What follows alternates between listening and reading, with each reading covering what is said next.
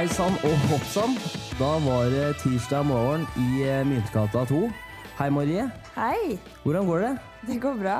Jeg har sa fått en jo- kaffe, så jeg er veldig fornøyd nå. Ja, fått en kaffe i dag tidlig, og jeg håper den var god. Skal sies at det var ikke jeg som lagde den. Det var nydelig. Kjempebra. Eh, Du nevnte jo før vi gikk på her at du er ikke et morgenmenneske. Hvordan var det å stå opp i dag? Nei, Jeg følte litt at jeg skulle ut og fly, men det er ikke lov å si. altså. Nei. Når man skal møte et sted klokka åtte. Det er Nei. egentlig ikke lov å si. Nei. Men eh, jeg pleier å si til eh, de som skal spille inn et eller annet med meg, at jeg er morsomst etter elleve. Ja. Så vi får se hvordan dette går, da. På kvelden, eller? Nei, altså på formiddagen. Ja, formiddagen. Nei, ja, det er ikke verre enn det. Nei. Vi får prøve å strekke den ut uh, tre timers podkast, kanskje. da. Ta en Joe Rogan, rett og slett. Så vi får om vi får til det. Men, men du er jo co-founder av Inspire Me. Ja. Uh, For de, som, for de få som ikke vet om dette, og som ikke er i denne influenserverdenen. kan ikke du gi bare en altså, hva, er, hva er Inspire Me?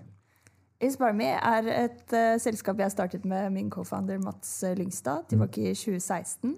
Og vi bygger teknologi for de som driver med influensemarketing. Kort og greit. Så det um, er for både influensere og byråer som håndterer influensere. Og merkevarer som vil eh, kjøpe influensemarketing. eh, Og også byråer som kjøper influensemarketing på vegne av kunder. Ja. Så dere tilgjengeliggjør, altså dere får bedrifter og influensere til å møtes, rett og slett. Ja, det har de for så vidt også fått til selv, men på en litt mindre effektiv måte enn eh, ved å bruke oss. Så vi har egentlig lagt til et teknologielement i det som heter influensemarketing. Ja, det er, ja. Mm. Ja, da går vi rett på det faglige. Ja, Og for, forresten, ja, jeg tenkte jeg bare skulle introdusere meg selv eh, denne gangen, Henrik. Jeg glemmer det hver gang. Så Yes, god morgen. God morgen. Eh, Jo, så dette teknologielementet, dere, dere har jo bygget en eh, plattform. og Hva på en måte er det dere eller, tilbyr, eller dere har bygd oppå toppen av dette at man eh, connecter influensere og bedrifter?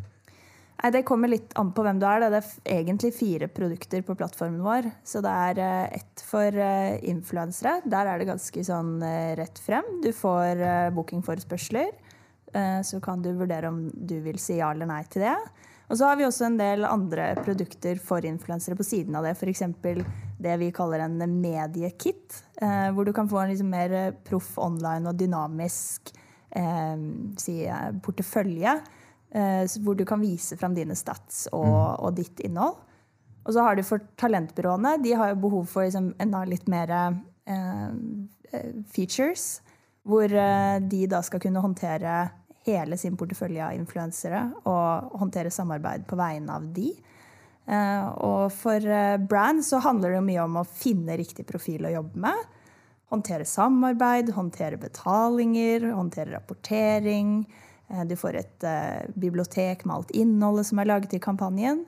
Og for byråer så fungerer det eh, ganske på samme måte, men de har jo da også mulighet til å håndtere samarbeid på vegne av et stort antall kunder. Så betalingen foregår gjennom deres plattform? Ja. Hvordan hindrer man at eh, Eller hvordan, hvordan får man til det, egentlig? Altså Hvis eh, jeg hadde vært en influenser og Henrik hadde vært en bedrift, da. Ja. Eh, At vi ikke bare connecter på sida, liksom, og liksom sender en faktura istedenfor. Ja, og det kan dere godt gjøre, og det vil antageligvis fungere veldig greit hvis eh, bedrift Henrik bare skal jobbe med deg, Odin. Odin. Men hvis Henrik også skal jobbe med en del andre influensere, som vi ser at mange gjør, så blir det fort veldig, veldig, veldig mye ekstra arbeid og veldig mange ekstra timer hvis du skal gjøre det utenom plattformen via mail og banktransaksjoner osv. Og så har jo vi også et sikkerhetselement, da. Ved at eh, Henrik vet at han kommer ikke til å betale for den jobben du har gjort, eh, hvis ikke du leverer, eller hvis du ikke leverer som eh, avtalt. Og du vet også at du får betalt hvis du gjør den jobben som du har gått med på å gjøre. Her må du levere, Odin. Jeg Ja. er, jeg er en bedrift som stiller store krav til influenserne jeg jobber med. altså. Tror ikke jeg hadde turt å ta kontakt med deg, Henrik. Men, men hvis vi skulle bruke ja, si 100 000 på sosiale medier, da. Eh, hva er fordelen med å bruke InspireMe i forhold til for eksempel, da, Facebook, Instagram-annonser? Er, det- er det sånn dere også jobber, eller hvordan, hvordan ser dere på det? Ja, jeg vil ikke si at det er enten-eller. Eh, jeg vil si at det vi gjør, eller det influencer-marketing eh, er, er mer en sånn plug-in inn i den marketingstrategien du allerede har. Eh, så si at du bruker 100 000 på influensere, så vil du jo selvsagt få på en måte en spredning av ditt budskap og, å skape kjennskap til den tjenesten eller varen du har. Mhm. I tillegg så får du masse innhold. yeah. Og det innholdet kan jo da du bruke i Facebook-annonser. Og så vil du jo da også vite hvilket innhold som det publikummet du prøver å nå, responderer best på. Yeah. Så da vil du kanskje prioritere å bruke de bildene og de videoene i annen markedsføring. Mhm. Så kan du også bruke de i nyhetsbrev og på egne sosiale kanaler. Og vi ser jo det at det å skape nok eh, innhold Og Odin, du fortalte jo tidligere at du jobber med dette, så du vet eh, det sikkert også. Det er krevende for mange brands. Det er ikke det de driver med, men de trenger innhold mm. for å nå fram til sitt publikum. Så det er et veldig viktig element også. Ja, og Du nevnte at, uh, tidligere at de, disse influenserne får på en måte en slags egen profil på plattformen deres. Og de kan da liksom vise fram eh, ja, hvor, stort engasjement og sånt noe de har. Altså de kan på en måte eh, bruke, eller Dere bruker litt tall da, og data for å på en måte vise fram hvem som, eh, hvilke influensere som presterer best. og sånt noe. Er det sånn det fungerer også? Ja, jeg, det vil jo, jeg vil også si at det handler mye om å finne en riktig influenser for et, en gitt merkevare. Da. Mm. For én influenser kan fungere utrolig godt for én merkevare, men ikke for en annen. Eh, Men det du refererer til, er dette med engasjementsrate. Vi ser at eh, de som ikke har jobbet så veldig mye med profiler i sosiale medier, vil jo fort se på antall følgere Ja. tenke at denne profilen har kjempemange følgere. Det må være veldig bra. Men så må man jo også tenke på ok, men hvem er det som følger denne profilen. Er de relevant for oss? Og også hvor eh, god er denne profilen til å skape engasjement blant sine følgere. Hvis de har supermange følgere, men veldig lavt engasjement Kjøpt så, mange. Eh, ja, ikke sant? Og det kommer jo inn der. Ser dere det ofte? Eh, jeg vil si at det har blitt eh, såpass mye snakket om nå at uh, de fleste influensere som på en måte vet hva som er lurt og ikke lurt, lurt, uh, de unngår den fellen der. Ja, De blir gjennomskua veldig kjapt. Det er ganske tydelig i kommentarfeltet når du plutselig ser en kommentar altså fra Thailand hvor du står sånn 'you sexy boy'. Ja. Du- det er- Og det er den eneste kommentaren Ja, her. det er ikke bra. Ikke bra. Da skjønner du ganske fort at her det skjønner, De som vet, de vet, på en måte. Da. Så ja. Ja, men vi hadde episoder eh, vil du si kanskje at det var litt mer i oppstartsårene våre, hvor eh, influensere kom til oss og sa eh, liksom, jeg har vært så dum at jeg har kjøpt følgere, eller, eller også at noen har kjøpt følgere til dem, rett og slett for å sabotere. Hva gjør jeg Oi. nå? Ja, det går an, ja. For det er interessant. Hvordan, for at en ting er Hvis du tenker jeg, nå skal jeg ha masse, eller mange følgere i sosiale medier, jeg skal kjøpe 20 000 følgere, hva, hva enn det er for noe, da. Men når andre som er konkurrenter av deg, kjøper følgere for deg, ikke for å hjelpe deg, men for å Ja, det, er, det, er Hvordan rett, er det? det er rett og slett sabotasje. Og vi, vi har jo lagd eh, bloggartikler som forklarer hva du skal gjøre, men eh, den tunge sannheten er at du er nødt til å gå inn og slette de ene Er det etter manuelt, ja? Ja. Wow. Det er ikke noen eh, bedre måte å, å gjøre det på. Så det mm, er ikke en one way street, da, men det er fryktelig tungt å komme tilbake til mm. publikummet du antageligvis har brukt tid på å bygge opp organisk. Så vi er liksom ute til enhver tid og sier ikke gjør det, du kommer til å angre. Mm. Ja. Det tar tid å bygge opp et godt publikum. Mm. eh, Men det er den eneste måten å gjøre det bra som Ja. influenser i sosiale medier. Ja, for du har jo, altså Influenserbransjen de omsetter jo for hundrevis av millioner i året nå. Og du har jo de større influenserne som sant, Sofie Elise og Kristin Gjelsvik, alle disse store her. Sånn, men jeg har også merka at det har blitt mindre, eller mer mikroinfluensere òg. Hvor det er mer snakk om kanskje de som har 1000 10 000 følgere. da. Ja. Uh, ja. Jeg tror det handler litt om eh, synlighet. I de tidligere årene så, så tenkte man jo på influensere som, som disse som man da kalte bloggere. Eh, og det var liksom en håndfull uh, profiler i Norge som fikk 90% av budsjettene. Rett og slett fordi at man visste ikke hvem de andre profilene var. Um, og, og det gjorde jo i sin uh, tur også at det var ikke veldig lukrativt å, å starte opp uh, som en mindre profil, fordi at uh, det var ikke noe penger i det. Så det vi også har forsøkt å gjøre, er jo liksom å åpne dette markedet og skape transparens. Og også da synliggjøre og tilgjengeliggjøre de profilene som kanskje er mer medium-sized mm. til, til mikro, som kanskje kan være mer nisje. eh, som gjør at det er helt naturlig at de har et mindre publikum. Eh, men vi ser jo også at de til gjengjeld ofte da har et veldig engasjert publikum. Yes. Hvis du f.eks. har en hobby som eh, laksefiske, da, så er det jo trolig at de som følger deg, er enormt interessert Veldig i laksefiske. Mm. Ja. Mm. Så, så det, en mindre profil er ikke nødvendigvis en dårligere profil. Hva med disse bedriftene dere jobber med? De, de stiller vel sannsynligvis visse KPI-er og krav om at influenseren skal levere. Hva er, det, er det ofte liksom, okay, direkte salg, eller er det, hva, hva er det bedriftene ser etter når de skal finne en influenser? Um, ja, Da spør du egentlig om to ting. Altså, hvorfor bruker man influensere? Um, det kan være mye forskjellig.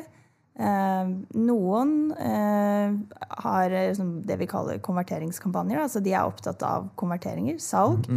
Uh, noen har mer liksom, uh, brand synliggjøring, awareness-kampanjer. Uh, hvor de ønsker å lage mye innhold, f.eks. Um, og så vil du jo alltid få en kombinasjon. En influenser leverer tre ting. Uh, de leverer uh, innhold, de leverer distribusjon, og de leverer kredibilitet. Altså de setter sitt navn bak merkevaren og sier ja, dette her er et brand jeg syns er kult, dette er en vare, en tjeneste jeg har lyst til å gå ut og snakke om. Uh, og de tre tingene får du alltid, og så er det litt ulikt hva merkevarer legger vekt på, da, hva som er viktig for de med den kampanjen de skal kjøre. Eh, og det neste du spurte om, er jo hvordan man finner riktig influenser. Og det handler jo om en rekke andre ting. Selvsagt hvilke mål du har med kampanjen, men også om den profilen er en god match med din merkevare. Mm. Hvor mye av dette er måte automatisert, og hvordan er det hvordan er det ja, bedrifter finner influensere, og at de har riktig engasjement? og sånt? Er det, dere har mye data på disse, naturligvis, men altså, er, er, mye av dette automatisert? Altså? Ja, vi, vi, pleier å kalle det 'automation with a human touch'. Eh, Ja. Høres litt sånn Nice. eh, klissete ut, men, nice eh. Men det er egentlig fordi for at vårt mål er å automatisere alt som kan automatiseres. Altså Vi skal sørge for at du bruker så lite tid som overhodet mulig eh, på å få best mulig resultater.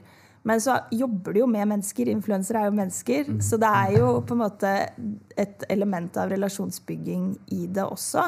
Um, det blir litt kommunikasjon fram og tilbake med disse profilene, men det, det har vi gjort veldig enkelt gjennom vår, vår plattform, så du skal liksom slippe å bruke mer tid enn du, du må på det. da. Mm. Så dere er ikke så mye i kontakt mellom liksom influensere og bedrifter, naturligvis? Altså, de, de kan stort sett gjøre hele prosessen selv? Ja, absolutt. Eh, hvis ikke så ville det vært lite skalerbart, kanskje? Ja. Jeg, jeg ønsker jo bare å gå litt tilbake før eh, Inspire Me eh, kom til live. Og det var jo Husker eh, ikke den tiden. Husker ikke den tiden. Det var ikke noe tid før den tid. Helt svart. Gründer since day one. Men, men du, du jobba og bodde jo i Boston. Du jobba for, eller som kreativ leder for Rest Devices, sier jeg det riktig? Ja. Ja. Og da er det to ting. Det første er jo eh, hvordan var det når du jobba i Boston? Eh, og nummer to, eh, hvordan kom den ideen her til live? For det er jo en utrolig genial idé.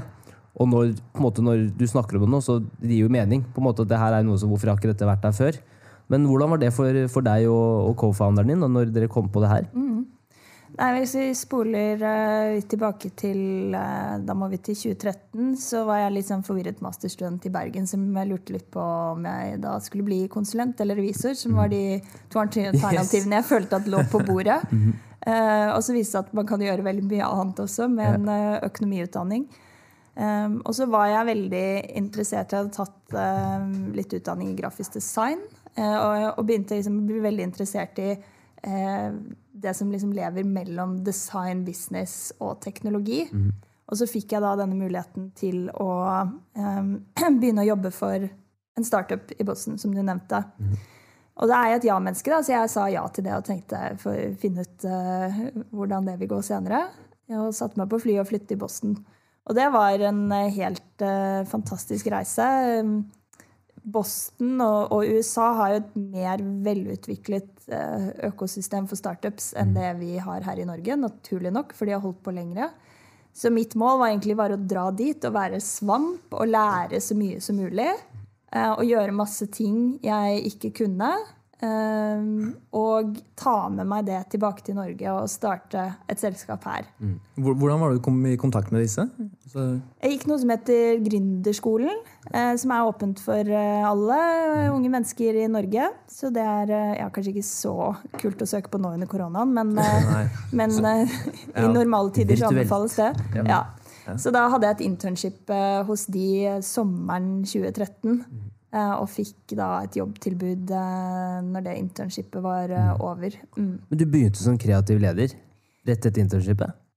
Ja, eh, det ble litt sånn at når, under det internshipet du blir en ansatt som intern, så blir det litt sånn Ja, hva, hva kan du gjøre? Yes. Hva kan du bidra med? Og så hadde jeg jo da den grafiske design Ja. Eh, utdannelsen som, eh, som viste at det var veldig nyttig. Så jeg begynte å gjøre mye som prosjekter med å bygge opp brandet. Altså det, dette selskapet hadde ikke et produkt når Nei. jeg startet, så der skulle, trengte man på en måte alt fra packaging til logo til eh, nettsider, Ja. app, alt av marketing eh, osv. Så, videre. så da var det veldig nyttig å, å kunne gjøre de tingene selv. Um, og da fant jeg også ut at det var noe jeg trivdes veldig godt med. Så de tre årene jeg var i Boston, så rørte jeg ikke en kalkulator, men uh, levde stort sett livet mitt i Adobe. Ja. Og det var veldig kult, for da fikk jeg jo også virkelig på en måte gjort uh, grafisk design uh, i praksis, da. så fikk du testa ganske mye forskjellig, og endte opp, altså brukte dere noe influencer marketing der? Ja, det var det andre spørsmålet ditt, Henrik. Eh, vi var jo en startup, så da prøver man på en måte eh, absolutt alt av marketing og ser hva som funker. Så vi gjorde alt fra radioads til printads til eh, mer tradisjonell digital markedsføring.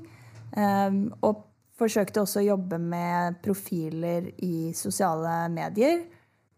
Så var det min oppgave å prøve å finne de profilene, og finne profiler som vi følte at matchet brandet. Så jeg jobbet med noen selskaper borte i USA som leverer influencer marketing. Og de sendte meg liksom profiler som var mer sånn hjemmeværende suburban moms i cocky pants. Og jeg tenkte det er kanskje ikke disse som på en måte er de første til å hoppe på ny teknologi. Så jeg så liksom mer for meg liksom en sånn urban liksom dad-blogger med tatoveringsliv, så, eh, som er mer sånn eh, early mover på tech, da. Ja. Um, og skjønte fort at jeg må bare finne disse profilene selv. Så jeg brukte fryktelig mye tid da, på Instagram, så økte på ulike hashtags og prøvde å rote opp noe kontaktinfo, tok kontakt, og noen sa ja. Så sendte jeg de produktet, eh, som kostet 200 dollar. Noen av disse samarbeidene fungerte utrolig godt. Um, mens noen kunne jeg liksom sende produktet til, og så hørte jeg ikke noe mer. Um, så når det fungerte, så fungerte det veldig bra. Men det var en veldig knotete og tidkrevende prosess. Ja. Uh, og så ringte min nåværende co-founder Mats meg høsten 2015. Og så sa han du, Maria har drevet og jobbet litt med en uh, idé. Kan Men da, jeg få lov til dere hadde studert sammen? Vi hadde studert sammen mm, i Bergen. Og så hadde han lagd en presentasjon og greier, vist meg slides. Og det han da hadde en idé til, var å lage en sånn infrastruktur rundt dette med eh, influencer marketing. For han jobbet selv med profiler i sosiale medier i sin daværende jobb i Norge. Og hadde på en måte møtt på samme problem som meg. Og når han viste meg det, så tenkte jeg bare hvis dette hadde eksistert, så hadde jeg begynt å bruke det i morgen. Ja. Og det er jo et veldig godt utgangspunkt for å starte et selskap. Du bygger noe du egentlig trenger selv.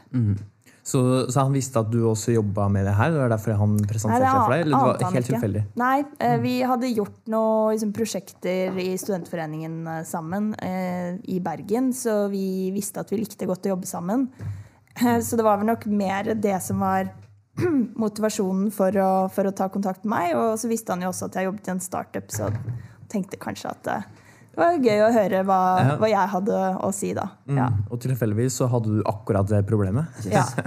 Men hvilke, hvilke antakelser hadde dere? For han jobba jo litt med, med nettopp det her selv, og du var jo også inni det. Men hva slags antakelser hadde dere om på en måte, influenserbransjen? Og hvordan vil du si den har endra seg nå?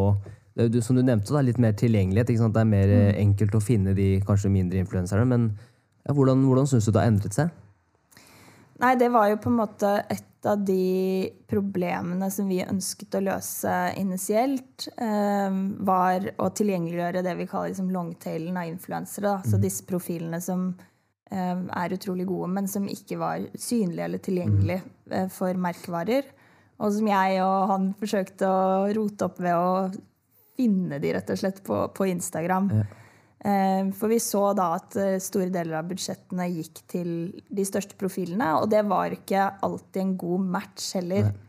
Eh, det ga liksom ikke mening at disse få profilene mm. var ute og snakket om alle mulige for type forskjellige ja. brands. Mm. Så både tilgjengeliggjøre da flere profiler, men også da sørge for bedre match mellom brand og influenser. Fordi det er da influensemarketing fungerer aller best. Ja. Um, og der vil jeg nok si at vi har sett en, en endring. At brands er mer bevisst på, på en måte bredden av influensemarketing. Det handler ikke bare om å få den der topploggeren til å snakke om deg. Mm. Eh, det er ikke gitt at det fungerer, ja. men du må finne en profil som på en måte matcher ditt brand. Mm.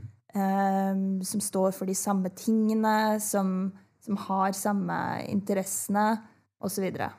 Um, og, og jeg vil jo si at vi har jo fra å se liksom en del litt pinlige mm. influencer marketing-kampanjer tilbake i 2016, når vi startet. Jeg skal ikke henge ut noen, men jeg synes på de som hører på, kan liksom komme på et par eksempler. Ja. Mm.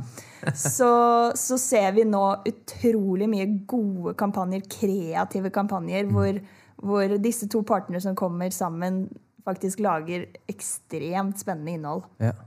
Det virker som om dere har en god del store bedrifter også. for man, Disse store bedriftene får, får jo ofte mye kritikk for at de henger litt igjen med TV-reklame, og sånt noe, men dere opplever kanskje at eh, eller virker som om de også er litt på. da, altså sånn Influencer-marketing og prøver å være, være litt på på de nye plattformene også? Ja, jeg føler ikke at vi ser så veldig stor forskjell på små og store brands, men mer på en måte Eh, hvordan de er rigga internt. Da. At mm. det er eh, definitivt noen brands som er mer fremoverlente, og noen som kanskje er litt bakpå. Mm. Um, så det, det, handler nok mer om på en måte hva slags uh, ja, ressurser uh, de har internt, mm. og, og, hvordan de er rigget. Ja. Mm. Er det noen brands du ønsker å trekke fram, som har gjort det veldig bra i forhold til influensemarketing? Både selvfølgelig i forhold til dataen, men også kanskje rett og slett bare uh, at det er riktig match, da. Ja. Um, ja, jeg kommer på flere gode eksempler. Um, vi kjørte Det syns jeg bare var en sånn kreativ bruk av influenserkategori. Mm. Um, vi kjørte en uh, kampanje for Telia Databoost, mm. som er et sånt produkt hvor Eh, du får eh, ubegrenset data i 24 timer, mm. som da er for folk som ikke har tilgang på wifi. Mm. Og da tenkte de ok, hvem er det som ikke har tilgang på wifi? Mm. Det er folk som er ute og går i fjellet og er ute i naturen. Så de brukte outdoors-influensere. Yeah.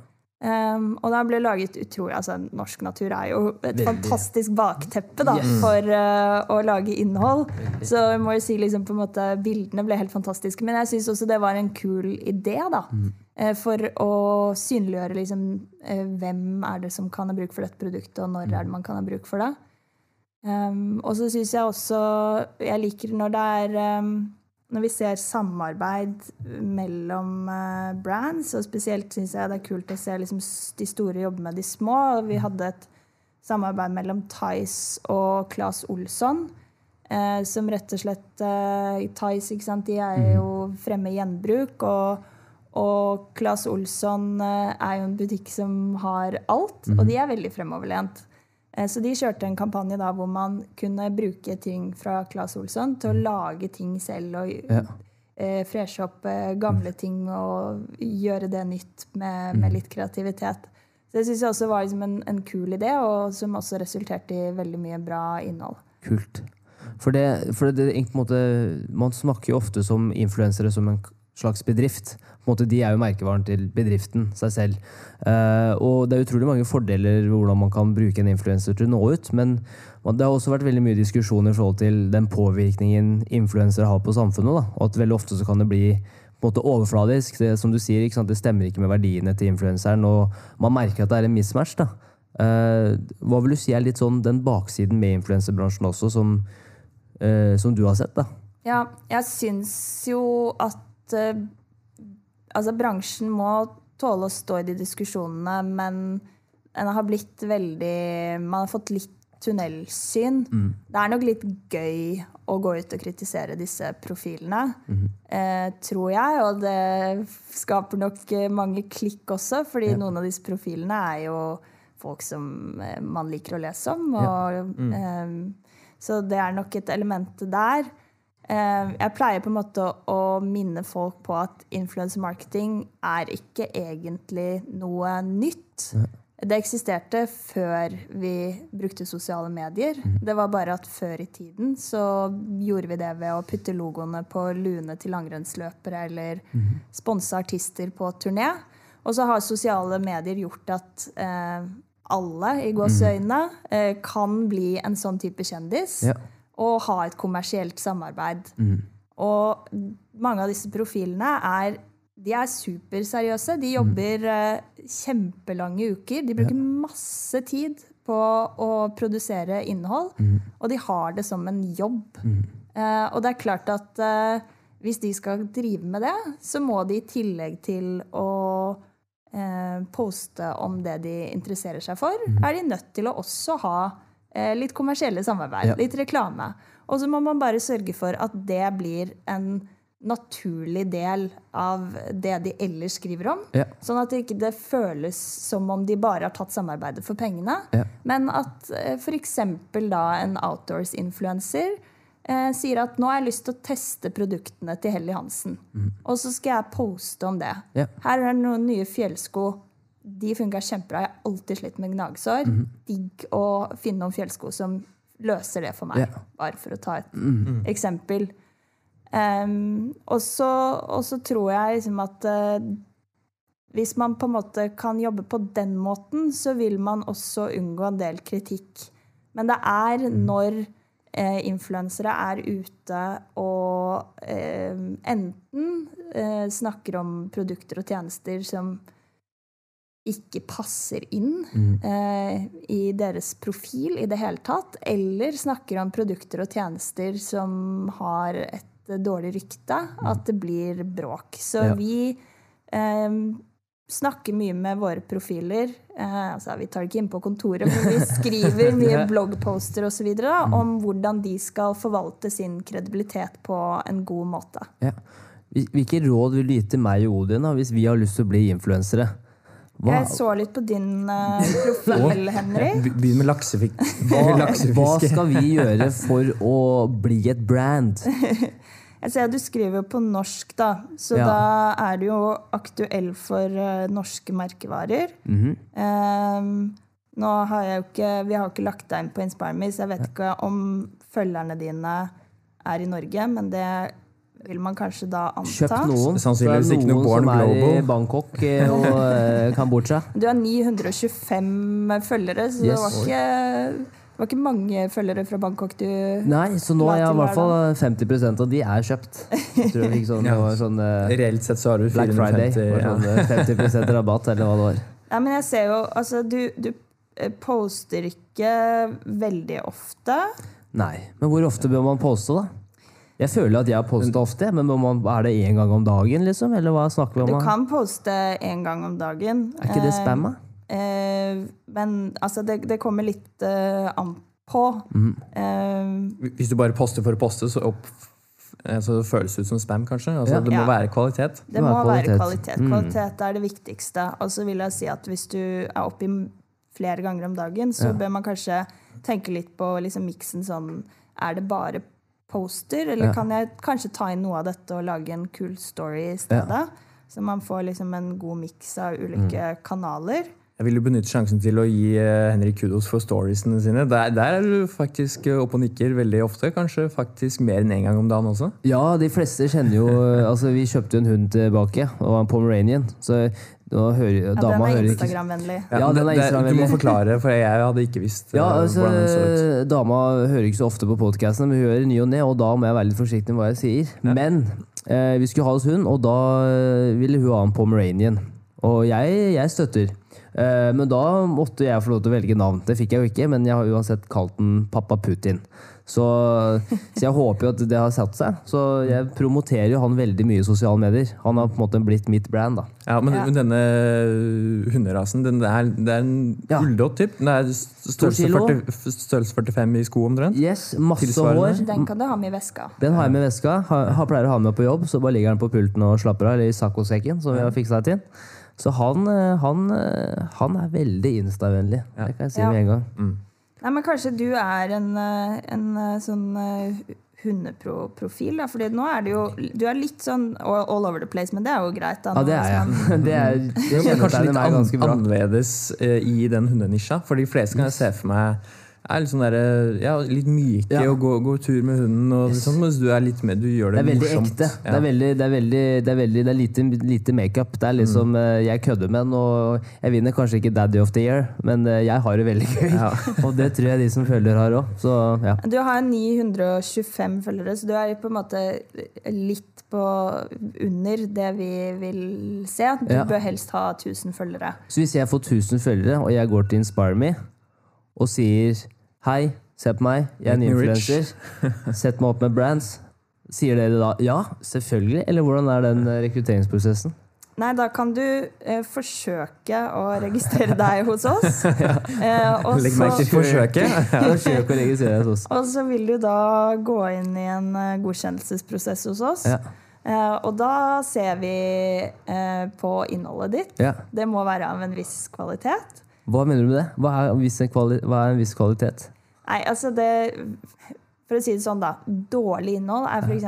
at du tar screenshots av masse greier og poster Ja. det. Da lager du ikke eget innhold, og Nei. da har du egentlig ikke noen verdi som, som influenser. Jeg må gjerne fortsette å gjøre det. Ja. men da tror jeg ikke det er veien å gå. Nei. Um, og så er det jo på en måte, hvis du da tar egne bilder, at, at det er liksom gode, gode bilder, engasjerende, kule captions. Um, og, og at det er innhold som engasjerer dine følgere. Um, og K- s- Selve kvaliteten på bildene her for man, man ser jo uh, mange som kanskje bare er morsomme, som tar bilde av altså De sitter på bussen og så bare opp med kameraet kjapt og så tar bilde av et eller annet morsomt.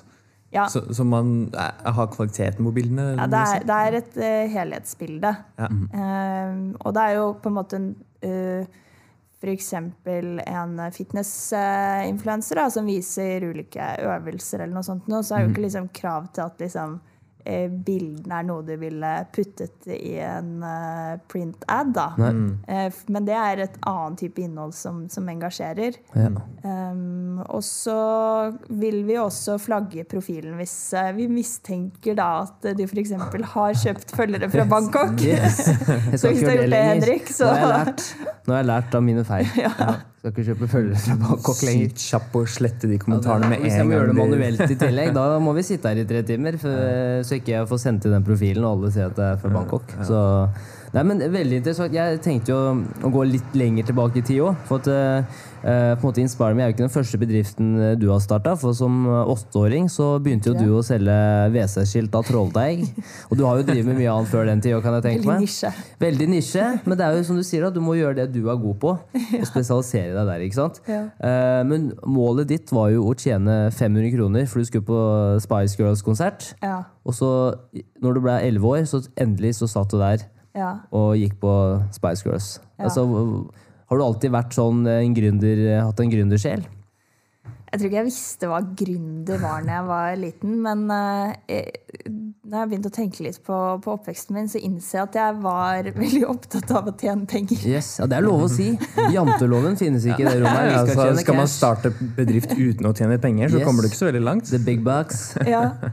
Nei, altså, jeg vil jo gi kudos til foreldrene mine, da, som var uh, veldig opptatt av at jeg skulle skjønne verdien av penger.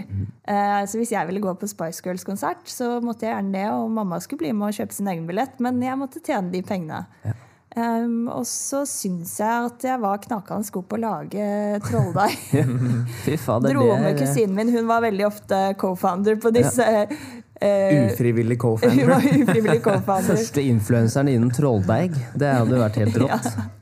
Og så Jeg vet ikke hva vi tenkte. Vi tenkte vel at alle har et toalett, da. Ja. Så det er jo liksom product market fit, da. Mm. Det er, det er business mind. Alle Alle har et et toalett. WC-skilt. drar Altså. Ja. Det, Alle skal på do. product market fit allerede der. Ja. Og så Ja, nei, og så er det jo vanskelig å si nei til to søte elleveåringer som Yes. har uh, Så du spilte på det dere hadde også? ikke Ja, sant? ja, ja. Skikkelig forståelse av business her. Ja. Må bruke den man har. Så nei, vi, vi klarte å tjene 500 kroner. Jeg holdt en konsert på ryke, da, for det var det året hvor uh, Jerry eh, ga seg. Ginger Spice. Ja. Så, men de kjørte jo konsert likevel uten, uten Jerry i Oslo Spektrum. Ja. Så det var stor stas og måloppnåelse. Yes. Ja. Dere må ha holdt på ganske lenge da, for at eh, 500 kroner Det er, det er mange WC-skilt av trolldeig som skal selges da. Hvor mye solgte hvert skilt for? Ja, det skulle jeg ønske at jeg husket. Eh, Jeg tror nok ikke Altså, jeg sier at det var glad i penger, men eh, jeg tror ikke jeg var så god på prising. Nei. Jeg husker eh, en gang også, det var en annen ufrivillig co-founder. Vi, eh, vi kom hjem fra, fra skolen, og så Jeg vet ikke om vi hadde hatt et eller annet på skolen som hadde trigget dette, men vi fant ut at vi skulle samle inn penger til barna i Afrika. Og så sto det en kjempestor bolle med fruktsalat i kjøleskapet eh, til denne venninnen. Em, og så tenkte vi at den kan vi jo selge. så, Selge det som selges kan. Yes. så vi spredde denne fruktsalaten i sånne muffinsformer. Da. Så Ja. solgte vi de til fem kroner stykket. Så kom eh, moren til venninnen min hjem, da, og så var vi jo strålende fornøyd. Da, for Ja. vi hadde samlet inn penger til barna i Afrika. Men denne fruktsalaten skulle jo hun servere i middagsselskap samme kveld. Så hun uh, fikk jo et lite dilemma. Da skal man kjefte på disse barna som har samlet inn penger uh, til Afrika. Eller eh, ja, Blir det skal man middagsgjester? eh, Ja. Hylle initiativet? Yes. Jeg tror det ble en kombinasjon. Ja. Ja. ja, Det er tøft for en mor å skulle velge hva Ungene mine har egentlig gjort noe bra, men de stjal det jeg skulle servere til kundene. Nei, til middagsgjestene. Apropos bedrift. Hva skal vi apropos bedrift? Ja, Ja. ja, når man er på middag og sending, så får man faktura i ettertid. Vet du. Ja, Sånn er jeg, jeg kjører pro bono første tre middager, og så kommer fjerde. Da, da blir det dyrt. Det blir dyrt. Det blir dyrt. Men eh, hva slags forbilder hadde du når du vokste opp? da? Du, altså, du må jo ha vært en kremmer. Altså, har, eh, har det vært noen som du har, eh, har sett opp til? eh, ja, Foreldrene dine som har lært deg verdien av penger? Har det vært noen andre? Ehm, vet du, det har jeg ikke så veldig sånn klart bilde av. Jeg, hadde en, eh, jeg ønsket meg alltid en storebror når jeg var liten. Ehm, så når jeg skulle få et søsken, så sa jeg jeg håper du blir en storebror. Det ble jo litt vanskelig, da. Men eh, jeg hadde en eh, eldre fetter, og han så jeg veldig opp til. Og han var utrolig god på å kjøpe og selge ting. Uh, og uh, ja, har vel egentlig vært det hele livet. Uh, alt fra liksom sin første bil til båter og mindre greier. Så det kan nok hende at jeg så litt opp til han, altså. Men eh, jeg, jeg kan ikke huske at jeg liksom tenkte at Å, jeg, det der skal jeg gjøre. Um, men jeg, jeg syns det var eh, veldig gøy å, å tjene egne penger. Det husker jeg. Ja. Um, og ja, av og til så kanskje jeg kunne liksom tona det ned litt. Eh, igjen kusinen min, ufrivillig co-founder eh, av en eh, kiosk vi satte opp i Risør. Vi hadde en sånn liten lekebu med sånn åpent vindu foran, så det Ja. så liksom ut som en liten kiosk. Og så drev vi, jeg tror vi plukka noen bær, markjordbær eller et eller annet sånt. nå. Så åpnet vi kiosken, og så skulle foreldrene våre komme og kjøpe. Da hadde med seg noen pinner eller noen blader de skulle ta med. Og da, da husker jeg sa at nei, dere må betale meg ordentlige penger. eh, fordi jeg hadde jo brukt eh, tid da, på å plukke disse bærene, og de eh, hadde en verdi, og det skulle selges. Ja. Så um, ja, jeg levde vel liksom litt eh, mellom det der med lek og moro og business, da. Ja. ja, men det er jo altså, Rett skal være rett. Vi tar Ja. ikke den valutaen her. Den må du konvertere disse pinnene må du konvertere til ekte cash. Men, eh, men eh, når man ser litt tilbake på altså, Hvilke interesser hadde du bortsett fra denne gründerånden, eller den kremmerånden? Altså, hadde du noen spesifikke interesser som du på en måte har tatt med deg videre inn i det voksne liv? da?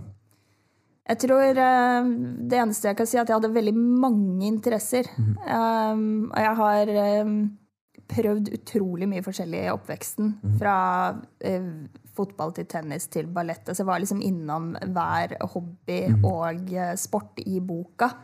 Um, så det er vel kanskje litt sånn betegnende for sånn jeg har blitt i, uh, i voksen alder også. At jeg, liker på en måte å prøve mye nye ting og lære meg nye ting.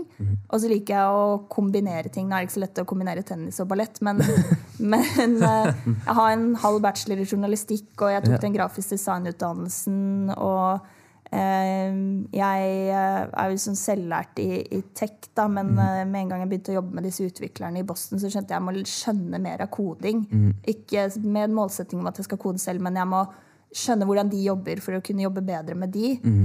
Um, så, jeg, så, jeg, liker veldig godt um, ja, å fordype meg i, i mm. nye ting, da. Ja. Apropos uh, ufrivillig co-founders. Uh, din co-founder nå uh, håper ikke han er ufrivillig, da, men jeg håper ikke heller. man sier jo gjerne det at det er liksom et ekteskap til å starte en bedrift, men det virker som det har gått veldig bra for dere. Hvordan har den reisen vært fra deres perspektiv? Ja, Nei, vi, altså, vi hadde jo gjort et ganske stort prosjekt sammen i, mm. i Bergen. Vi satte opp en studentfestival hvor han og jeg var ansvarlig for å sette opp det første utendørskonsertteltet i Bergen i mars måned. Hvis dere har vært i Bergen, så skjønner dere at der er det mye vær. Yes. Så, eh, og det var altså Vi møtte på hver utfordring i boka. Vi skulle mm. bardonere dette teltet på, på Koengen, da, som det mm. heter.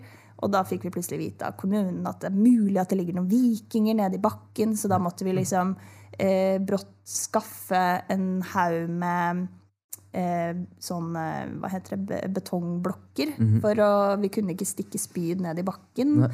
Um, og vi sto på Koengen midt på natta en gang for å prøve å finne ut hvor mhm. rørene gikk, for å finne ut hvor vi skulle sette opp eh, toaletter. Altså, ja. det, var, det var et sånn skikkelig eh, utfordrende prosjekt. Og, og så, så, sånn sett så visste vi på en måte at altså, Du er ikke blid når du står på Koengen klokka fire om natten og prøver å finne ut liksom, hvor du skal sette opp eh, toaletter.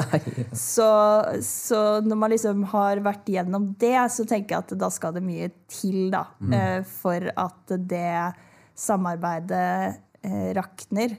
Men eh, når det er sagt, da, så, så mener jeg at der, det burde vært mer fokus på parterapi eh, blant co-founders. Men altså, noen burde tilby det som tjeneste. Ja. Um, ja, her lærer vi mye. Skriver det ned. Ja, ja. Fordi at uh, det er jo det er, altså, det er, en prøvelse å starte et nytt selskap. Jeg ville mm. aldri gjort det alene. Jeg er superglad for å ha en co-founder. Um, men, men, dere hadde kanskje noen form for mentor som tok den rollen? og klarte å se hva dere var gode på, eller var det bare dere to helt fra starten? fra starten så var det bare oss to. Mm. Um, så fikk vi mye hjelp av uh, en som heter Evenåseng, Even som var Mats sin tidligere sjef. Vi mm. fikk også sitte uh, hos Venture Factory, hvor han er CEO, i mm. starten. Mm. så vi hadde jo liksom sånn støtteapparat rundt oss fra start. Ja. og så vil jeg også si at uh, investorene vi fikk med i 2017, mm. altså ett år inn, har vært utrolig viktige. Ja. Um, og da husker jeg at vi var sånn Oi, det er masse mennesker rundt oss som heier mm. på oss og vil oss vel og vil hjelpe oss. Det var en veldig god følelse. Uh, så de hadde et enormt eh, bidrag, i tillegg til at de ga oss kapital til å satse videre. Mm. Ja, for dere, dere, har bygd opp en svær teknologiplattform, og det, det er klart det koster jo. Og det var ingen av dere som satt og koda, og det, dere skal jo sikkert gå i minus ganske mye før, det, før det tjener penger. Ja. Så, så, det kan jo vært altså, utfordrende, det med å, å, være to stykker. Ingen eh, kunne vel kanskje ikke så mye teknologi på den tiden, men skulle starte en teknologiplattform. Jeg vil jo si at Både jeg og Mats var ganske sånn teknologisavvy, men som du sier, vi kunne ikke kodeplattformen selv. Mm. Eh, så vi var heldige å få med oss to utviklere veldig tidlig, som jobber i selskapet den dag i dag. Mm. Så det var de som kodet den første versjonen. Ja. Mm. Hvordan går man fram? For det er jo også veldig, et veldig kjent fenomen. er jo at Du kommer fra forretningssida og så har du en idé. ikke sant? Og du, du ønsker å realisere et produkt. da. Men problemet er at du selv klarer ikke å gjøre det, for at du har ikke den tekniske kompetansen. Hvordan, hvordan, hvilke tips eller hvilke råd ville du gi til yngre mennesker da, som har de ambisjonene, men som vet ikke helt hvordan de skal klare å tiltrekke seg de utviklerne? da? Ja, da ville jeg funnet Altså det problemet i Norge, da, for å ta det først, har jo vært at uh, det har vært enorm etterspørsel etter utviklere. Og de har sittet veldig fint i det i mm. større selskaper. Uh, så det har liksom vært vanskelig å tiltrekke seg uh, utviklere og få de til Så hvorfor skal de hoppe av en trygg jobb med en god lønn? Ja. Um, og der jo, har jeg prøvd å rope litt da, og mm. stå litt på barrikadene. fordi der kan politikerne hjelpe til ved å gi oss uh, en bedre rigg for uh, ja. å kunne gi aksjer. Da. Altså, mm. Det må være et sånn high risk, high reward-scenario ja. hvor man er villig til å hoppe av den behagelige jobben mm. for en potensiell større gevinst i fremtiden. Ja. Um, og jeg tror jo at um, vi jeg tror det er lettere nå enn for fem år siden å finne teknisk kompetanse. Eh, vi valgte å ha en sånn rigg fra start hvor vi var åpne for remote work. For vi så det at det er ikke sikkert vi klarer å finne disse menneskene i Norge. Så hvis man er en businessperson da, med en god idé og ikke kan kode selv, så vil jeg først forsøkt å finne enten en co-founder eller en um, tidlig um, ja, eh, ansatt mm som, som, kan kode.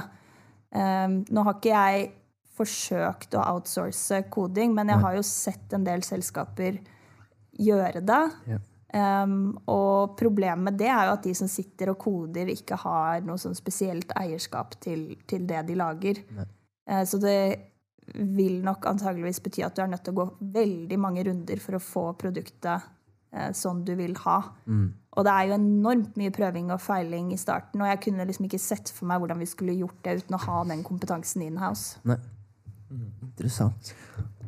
Jeg tror vi altså Vi begynner å nærme oss slutten, men jeg tror vi begge syns det har vært interessant å høre litt uh, om det. Uh, og, og liksom man, når man er ung og man har studert og liksom er litt ambisiøs og sånt noe, uh, og får på en måte eh, nyhetsartikler om yngre mennesker, folk som er 25 og har leda et selskap eller tjent x antall millioner og ditt og datt. Man blir veldig på en måte Man får et inntrykk av at man skal få til alt før man er 30. da.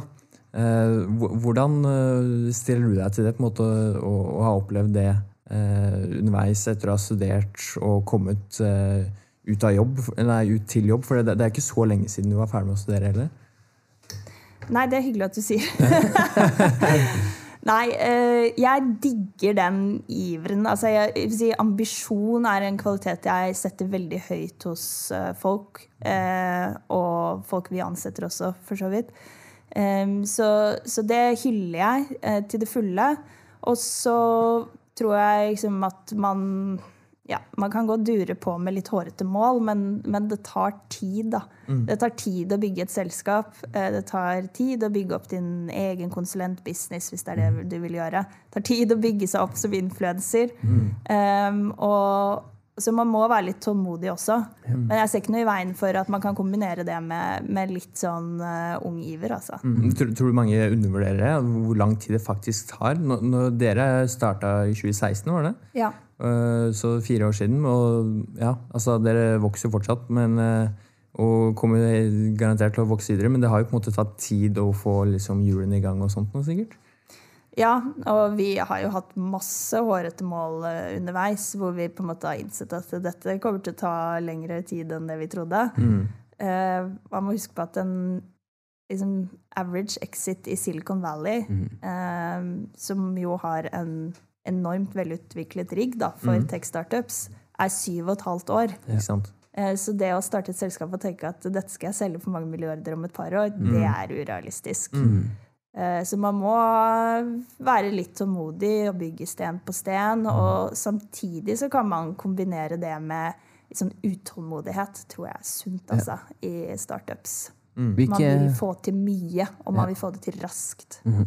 Hvilke ambisjoner har dere over de neste årene? Eller la oss si to år, da.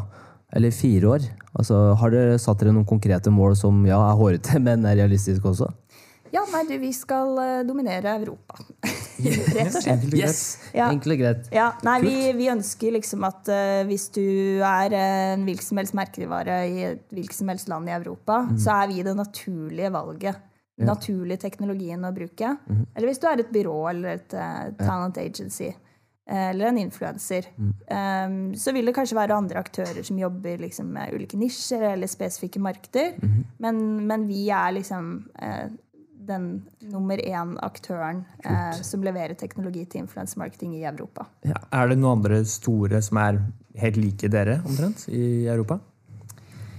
Um, ikke i Europa. Vi har uh, våre største konkurrenter i USA. Mm. De fokuserer i hovedsak på det amerikanske markedet. Så det er jo kanskje naturlig å tro at uh, nede i veien et sted så vil det bli en konsolidering. Ja. Um, ja. Det, men det tar vi når det kommer. Ja. Hva, er det som, eh, er det som får deg opp om morgenen, da? Kaffe. ja, det, da er vi to. Nei, jeg, jeg må si at uh, jeg, altså jeg digger teamet vårt. Mm. Uh, jeg liksom savner de litt ja. uh, når jeg har ferie. Mm. Og jeg digger å være på kontoret. Og det har vært uh, liksom utfordrende nå under korona. Mm. Vi har hengt veldig mye sammen da, på, mm. på Whereby. Til og med hatt et Whereby-rom som, uh, som het Verify Kitchen. Som man liksom kunne inn logge inn der og ta, ja, ja. ta brødskivene Kult. klokken tolv der istedenfor å sitte helt alene. Mm. det er liksom det er så gøy å sitte på kontoret selv om jeg sitter og jobber med helt andre ting. Så ser du liksom det er masse prosjekter, masse mm. ideer. Um, og, og, det er eh, det er veldig smittende. Altså. Det motiverer enormt. Ja. Hvilket råd ville du gitt en 25-åring? Um, jeg eh, Hvis du går og ruger på en idé, mm. ikke slipp den. Da Jobb litt med den eh, kanskje på siden, kanskje du tar en annen jobb. Eh, snakk pitch, Øv deg på pitchen til folk. Mm. Hør om noen kanskje Skulle vi lagd en businessplan på dette? Mm. Eh, kjenner du noen som kan kode? Kanskje vi skulle prøvd å lage et første produkt? Yeah. Eh, snakk med det du tror er brukerne dine. Er dette mm. noe du er villig til å betale? Så hvis du ser at du får litt fotfeste, mm. så er det bare å gønne på. altså. Ja. Søk eh, Innovasjon Norge om etableringstilskudd. Bare gønn på. Norge er verdens tryggeste land mm. å starte selskap i. Yes. Mm. Eh, det er ingen grunn til å ikke gjøre det. Nei. Hvis du har en god idé som du har eh, fått indikasjoner på at noen er villig til å betale for, mm. du kan skape verdi for noen, da er det bare å kjøre på. Ja. Hvis du eh, har liksom lyst til å skape noe, eller være med å skape noe, men du vet ikke helt om liksom, Du har ikke helt ideen som du vil gå for. Mm. Søk jobb i en startup. Mm. Og så skal jeg love at etter et par år i en startup, så har du en liste med mm. ideer. For det, du, det er en liksom kultur i startup, så at mhm. man hele tiden går og ser liksom problemløsning, problemløsning. Mhm. Hvordan kan vi løse det med teknologi? Hvordan kan vi effektivisere det? Eh, så du blir fort liksom, på en måte smittet av den mindseten. Da. Ja. Eh, og da tror jeg også du har da en, en, eh, ja, et godt utgangspunkt for å starte ditt eget selskap senere. Mm. Fett. Kult. Siste spørsmål er hvor er det folk kan finne både InspireMe på sosiale medier og på nettet, og deg? For du er jo en interessant person å følge, du òg. Hyggelig. Jeg har sjekket Instagram-profilen din nå, skjønner du. Mm. ja, nei, InspireMe, vi, vi jobber med sosiale medier, så vi er jo på Instagram og Twitter mm. um, og LinkedIn og Facebook. Mm. Uh, og på YouTube um, Vi har en uh, veldig kul serie nå som heter 'Markedsføring fra sofakroken'. Mm. Så hvis man er interessert i markedsføring, så har vi en videocast som man kan finne på YouTube. og den fins også som podkast hvis man foretrekker å bare høre lyd. så der kan man følge oss. Eller hvis man da har over 1000 følgere, yeah. godt innhold yes. Eh, og ingen følgere fra Bangkok, så kan man jo registrere seg yes. kan man på plattformen vår. Gi meg et år, og jeg skal ha ekte følgere. 75 følgere på et år, det bør være det skal vi, det skal vi få til. Om ikke du etter denne episoden her har 1000, da. Ei dame kødder med meg til å si at ja, du har lyst til å bli influenser. Ja. Det har jeg. Så, så, så det, nå kjører vi. Ikke noe å skjule der. Ikke noe skjule der. Yes. Herlig. Tusen takk, Marie. Takk skal du ha som tar deg tid. Yes. Vi snakkes.